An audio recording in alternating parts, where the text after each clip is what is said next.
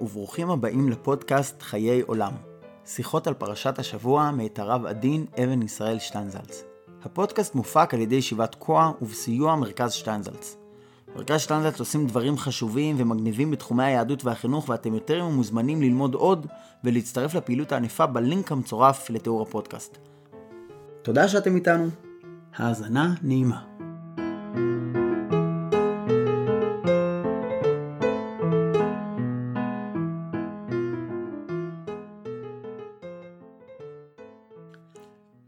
פרשת שלח לך. אנחנו עומדים בפרשת שלח לך, שבמרכזה פרשת המרגלים והעונש שקיבל דור המדבר בעקבות כך. התורה מתארת כיצד נבחרו המרגלים. איש אחד, איש אחד למטה אבותיו תשלחו, כל נשיא בהם.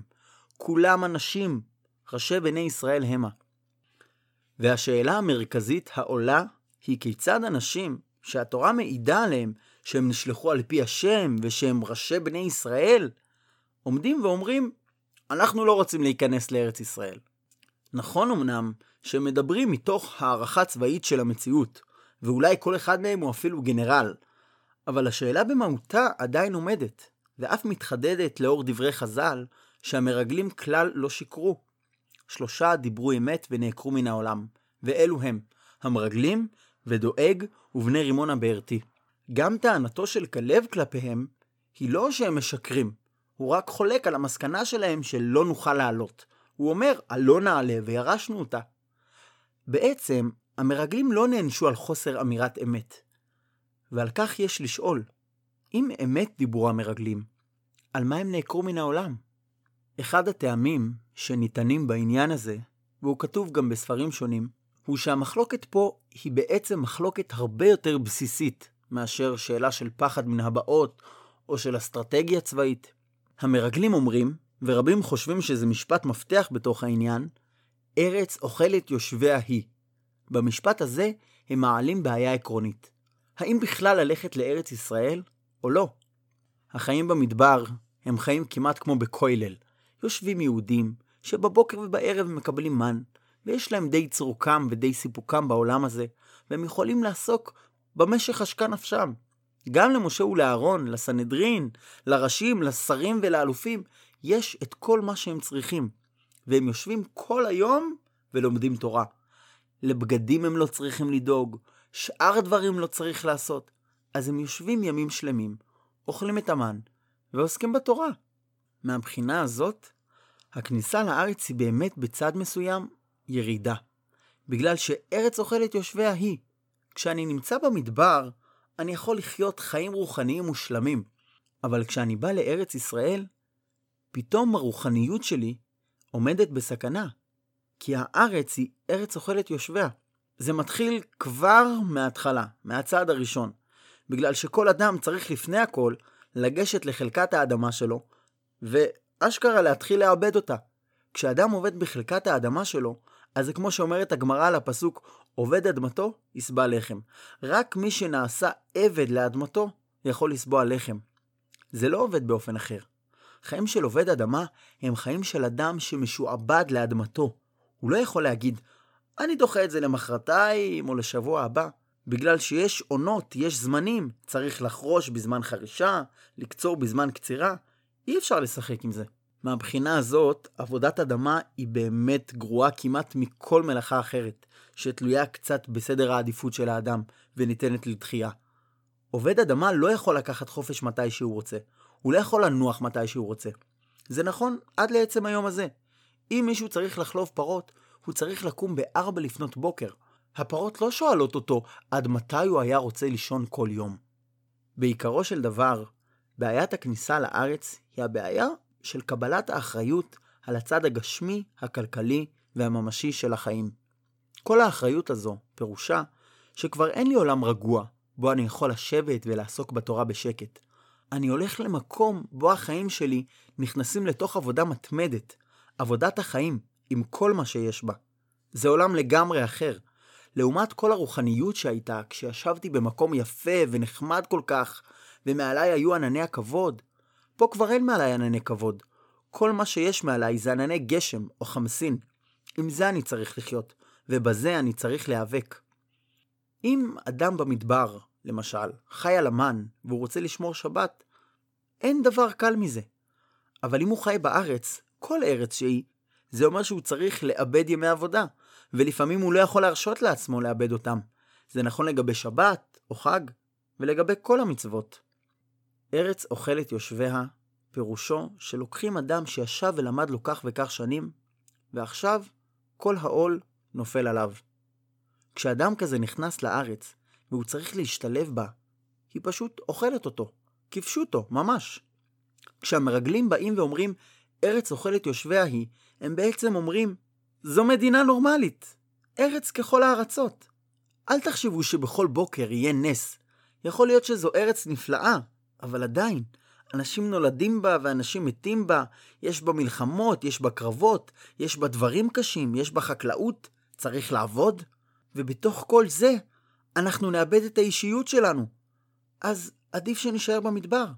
למה ללכת לארץ ישראל ולאבד את העצמיות שלנו? אפשר לשמוע את הנימוק הזה בשינויי לשון גם כיום, ולא מאיש אחד, אלא מהרבה אנשים, וכולם אנשים, ראשי בני ישראל המה, שאומרים את אותו הדבר בסגנונות שונים. למה לנו לאבד את מהותנו הרוחנית המופשטת, את התורה שלנו ואת המן שלנו, על חשבון ההליכה לארץ ישראל? יותר טוב להיות במדבר. להיכנס לארץ טובה ורחבה, זה להיכנס לעולם שיש בו לאין ארוך יותר התחייבויות, הרבה יותר קשיים והרבה יותר אתגרים. מבחינה מסוימת זה יתרון, אבל אדם יכול להגיד שהוא לא רוצה את היתרון הזה. ועל זה המרגלים מתווכחים עם כלב. אמנם, על פניו, בתורה, ההכרעה בשאלה הזו היא חד משמעית, אבל מתברר שהיא ממשיכה לנסר בעם ישראל. טוב להיות במדבר, או טוב להיות בארץ ישראל? ליהודים שגרים היום בארץ, למשל, השאלה הזו היא יומיומית. כשאני נמצא בארץ אחרת, אני יכול לומר שיש דברים מסוימים שמבחינה מוסרית לא נוח לי לעשות. אני לא רוצה להיות חייל, כי ללכת ולהרוג אנשים זה מקצוע מגונה, אני לא רוצה להיות שוטר, בגלל שאז אני אצטרך להסתובב ברחובות ולראות את כל הזוהמה שבחוץ, אני לא רוצה להיות מנקה ביבים, מפני שזה לא לפי כבודי. כשאני חי בכל מקום שיהיה, אני יכול להרשות לעצמי להימנע מכל זה. גם לא להזדהם באופן פיזי, ויותר מזה, לא להזדהם באופן רוחני. למה? בגלל שאין לי אחריות. אני חי באוויר. אבל כשאני צריך לחיות בארץ שלי, כל העניינים האלה של האחריות המתמדת, של מלחמה ושל דיפלומטיה, של חדשות ושל דברים אחרים, כולם נכנסים לתוך מציאות חיי. היהודים האמריקאים הם פטריוטים גדולים. אבל כמה מהם נמצאים בצבא האמריקאי? זו מדינה שבה אני יכול לבחור לעצמי את החלקים הנעימים, ולהתעלם מן האחרים. אך כשאני בא לארץ שלי, אני צריך להתעסק עם הכל. אין לי שום דרך להתחמק. כל מדינה נורמלית דורשת כמות מסוימת של חילול שבת. אפילו ביום כיפור יש כל מיני שירותים חיוניים שצריכים לפעול כל הזמן. אי אפשר לומר לעובדי חברת החשמל שילכו להתפלל ושיכוונו כוונות. זה לא תוצאה של זה שהמדינה היא מדינה של אפיקורסים. זו תוצאה של זה שהמדינה צריכה שזה ייעשה, ואי אפשר לבחור את החלקים הנעימים. נכון אמנם שהמדבר הוא לא אידיאלי, אבל הוא הרבה יותר נוח. כיום בארץ, אנחנו חיים בתוך חינוך שמדבר על ארץ ישראל ועל מעלתה. אבל היו הרבה יהודים שאמרו ששום דבר לא דחוף. הם אמרו שמי שיושב ולומד על זבחים, כאילו הקריב זבחים. וגם מי שיושב ועוסק במעשרות, כאילו הרים מעשרות. על רב יהודה שסבר שאסור לעלות לארץ ישראל מבבל, כי זו גזירת הכתוב, נאמר גם שהוא אהב מאוד את ארץ ישראל, ולכן ברך על האפרסמון ברכה מיוחדת, בורא שמן ארצנו. אז אם אני יכול לשבת בבבל ולומר ברכה מיוחדת על פרי של ארץ ישראל, מה יותר טוב מזה? המרגלים הגיעו למסקנה שהבעיה היא לא שהארץ היא כזאת וכזאת, הבעיה היא המעבר מהמדבר לארץ. הטענה שהם מעמידים היא חלק מהחיים שלנו כל הזמן. למה צריך את כל הכאב ראש הזה? מה יש בארץ ישראל ששווה את כל זה?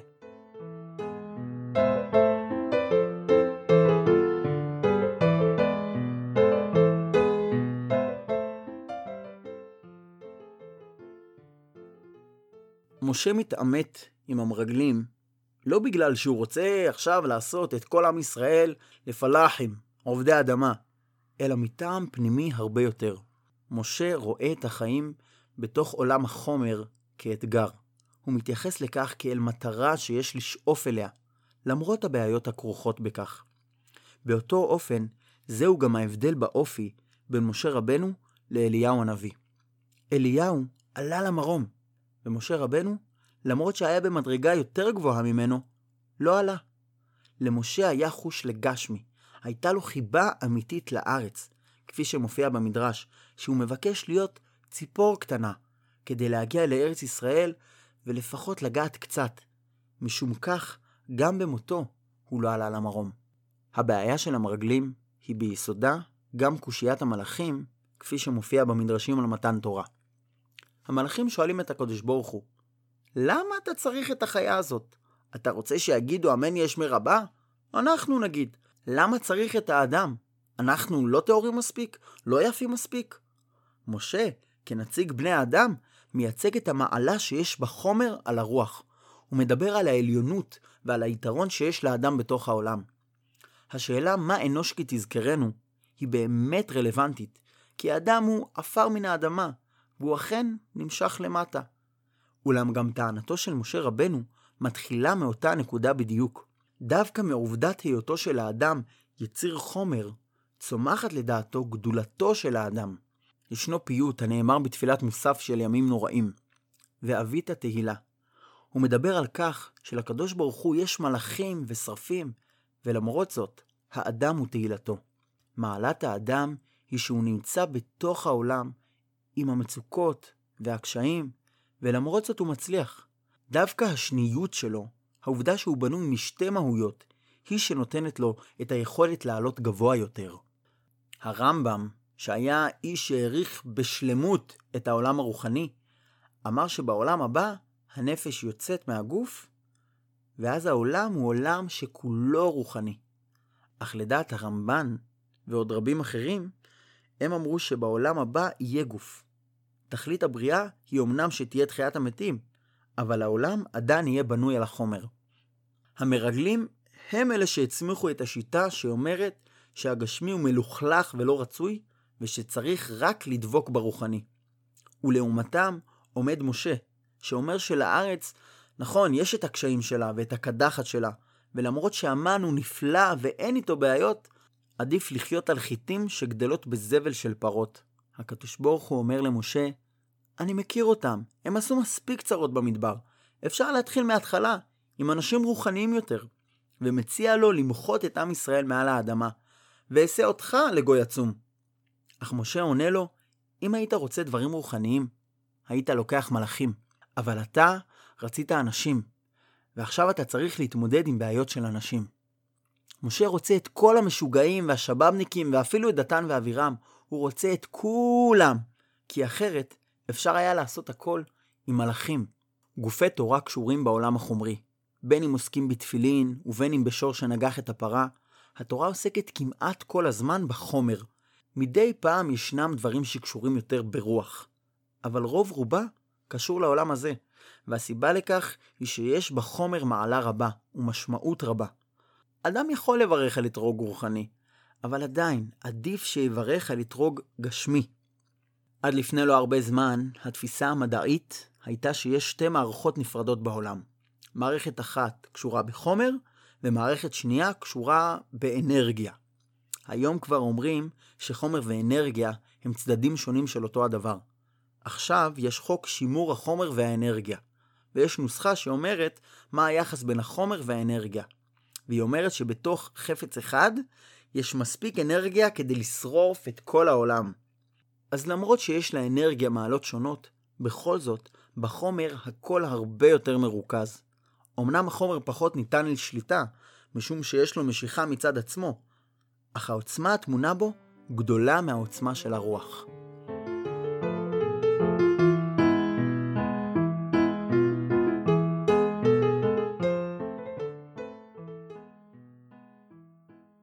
בתוך כל הוויכוח הזה, משה לא אומר שאין בשיטה שלו סכנות וירידות, אלא שזוהי הדרך וזוהי התכלית.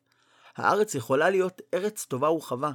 יחד עם זאת, שבאמת יכול להיות שבסופו של דבר היא אכן תהיה ארץ אוכלת יושביה. הדרך בה מוליך משה את עם ישראל היא דרך שהולכת במיוחד ודווקא בתוך עולם של חומר. למרות שהוא יודע שחלק מהעניין משמעותו להיכנס לתוך מלחמה, ובמלחמה אנשים נפצעים ומתים. כשאני נכנס לעולם, הסכנה היא שאני אראה את חזות הכל בתוך עולם החומר שאני חי בו. מישהו פעם אמר, מתי יעקב אבינו החליט לצאת מחרן ולחזור לארץ? כשהוא חלם את החלום שלו, ובו העתודים עולים על הצאן. אז הוא אמר, כשיצאתי מהארץ, חלמתי על מלאכים שעולים ויורדים מהשמיים. אבל אם אני מתחיל לחלום על עיזים וכבשים, סימן שאני צריך לחזור לארץ. הסכנה של העולם היא שהאדם יכול להיבלע בתוכו, ומשום כך, יחד עם הכניסה לארץ, צריך לדאוג שדבר כזה לא יקרה. יהושע, כפי שהתברר, לא הצליח בכך, או שהוא הצליח לתקופה קצרה בלבד. בתקופת השופטים מארץ ישראל באמת הייתה ארץ אוכלת יושביה. במשך 400 שנה עם ישראל, היא פשוט בלעה את ישראל, ואפשר לראות כמה וכמה דוגמאות לכך. למשל, המקדש הפרטי של מיכה, עם העבודה זרה שלו ועם הלוי שלו, וגם כשבני דן הולכים אליו, הם לא הולכים כדי לתת לו מכות, אלא כדי להעביר את העבודה זרה שלו אליהם. כשאנשים נבלעים על ידי הארץ, מתברר שכל הרוחניות שהייתה על הדורות הקודמים, או שהייתה להם עצמם כשהם היו צעירים, פשוט מתנדפת. כי יש ירקות לקטוף, ועיזים לחלוב, ואף על פי כן, כדאי להוביל את ישראל לארץ, משום שזו התכלית. במובן מסוים, הכניסה לארץ ישראל היא כמו הבריאה בעצמה, עם הסיכונים שיש בכך. כשהקדוש ברוך הוא ברא את העולם, הוא בחר לשכון בתחתונים, בעולם החומרי והגשמי. גם על הבריאה, אדם יכול לומר שהוא בכלל לא מעוניין בה. אף על פי שעל כוחך אתה נוצר ועל כוחך אתה מת, בן אדם יכול להגיד, אם כבר לרדת לעולם הזה, אז הכי טוב זה להיות במצב של עובר, חסר דאגות. כשהוא יושב ולומד תורה, הוא לומד עם מלאך. אבל הקדוש ברוך הוא אומר, אני לא רוצה אותך שם למעלה, יחד עם המלאכים. אני רוצה אותך כבן אדם, בתוך העולם. אז, אנא, תמחל על כבודך ותרד. שבת שלום.